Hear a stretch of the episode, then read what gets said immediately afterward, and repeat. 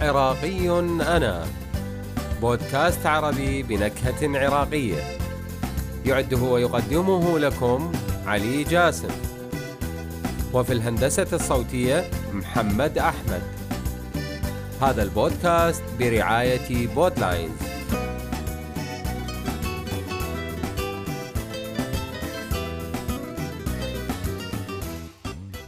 مبدعنا لهذه الحلقة من بودكاست عراقي أنا من أبرز علماء الآثار العراقيين. فضلا عن كونه مؤلفا ومسماريا ولغويا ومؤرخا وأمينا سابقا لمتحف العراق الوطني. يعد من أشهر العاملين في مجال ترميم الذاكرة العراقية. أتقن اللغات العراقية التاريخية الأربعة العربية والآرامية والأكدية والسومرية. كذلك الإنجليزية والفرنسية والألمانية. درس علم الآثار في جامعة شيكاغو وترجم ملحمة جلجامش من الأكدية إلى العربية. وفك رموز الألواح الرياضية البابلية. ألف العديد من المؤلفات واستطاع من خلال حفرياته عن المواقع البابلية والسومرية القديمة اكتشاف قانون إشنونة إنه المبدع طه باقر.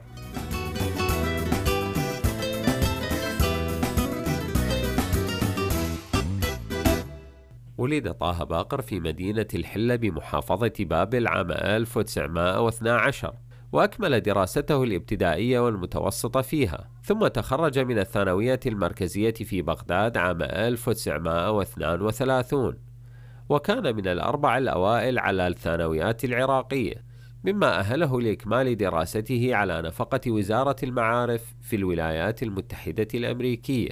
درس علم الآثار في المعهد الشرقي بجامعة شيكاغو. وبعد أربعة سنوات حصل على شهادة البكالوريوس ومن ثم الماجستير بامتياز ليعود إلى العراق عام 1938 ليحصل بعدها على لقب الأستاذية من جامعة بغداد. ربط باقر بين التاريخ وعلم الآثار ربطا وظيفيا فالآثار لدى باقر ليست حجرا أصم يؤرخ لأزمان جامدة ومعزولة بل هو تعبير عن واقع بحاجة دائمة لإغناء مضامينه الإنسانية بالكشف والتنقيب. اكتشف طه باقر العديد من المواقع الآثارية ومنها موقع تل حرمل وهي التسمية الحديثة لمدينة شادوبوم المركز الإداري لمملكة أشنونة والتي عثر فيها على رقم طينية. منها لوحين طينيين سجلت فيهما أحكام ومواد قانونية. في السرقات والاعتداء والديون والأحوال الشخصية والأجور والأسعار والبيع والشراء. ويعد من أقدم القوانين المدونة التي جاءتنا من العراق القديم. بعد أن كان قانون حمورابي إلى زمن قريب أقدم شريعة في تاريخ البشر. ثم بدل هذا الرأي بعد اكتشاف أجزاء من قانون سومري يعود إلى الملك لبث عشتار في تل حرمل. أقدم زمنا من قانون حمورابي بنحو قرنين.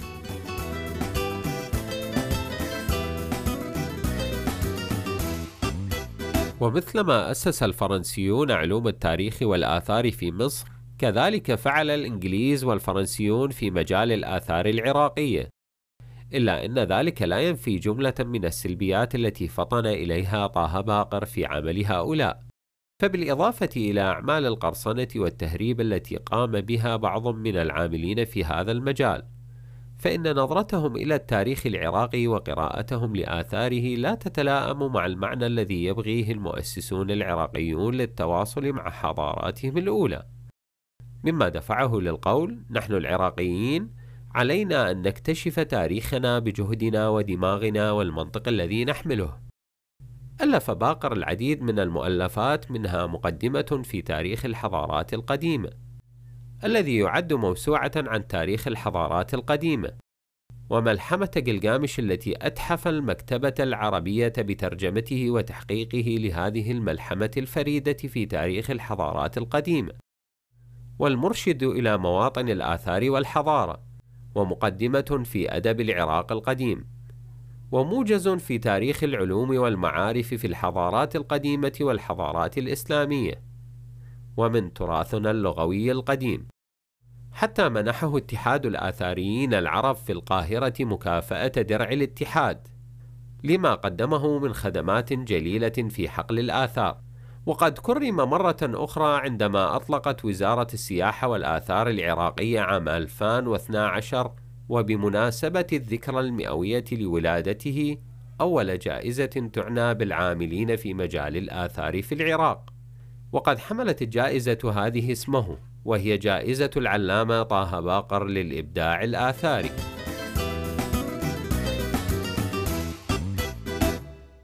شغل طه باقر العديد من المناصب والوظائف في مديرية الآثار العراقية فضلا عن عمله كعضو في المجلس التأسيسي لجامعة بغداد ومن ثم نائبا لرئيس جامعة بغداد.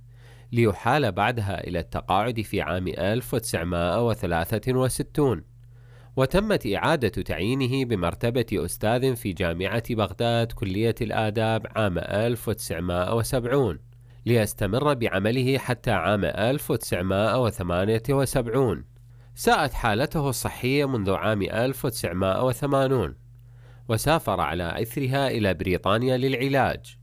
إلا أنه توفي بعد عودته إلى العراق ودفنت رفاته في بغداد يوم الثامن والعشرين من شباط عام 1984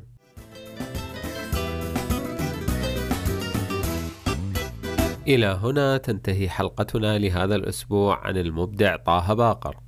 تابعونا على منصات الاستماع Apple Podcast، Google Podcast و Spotify و Anchor. مع شخصيات عراقية مبدعة حازت على العديد من الجوائز والألقاب بفضل نتاجاتها العلمية والفكرية والأدبية. لنقول بفخر عراقي أنا ويملأني الفخر بانتمائي للعراق.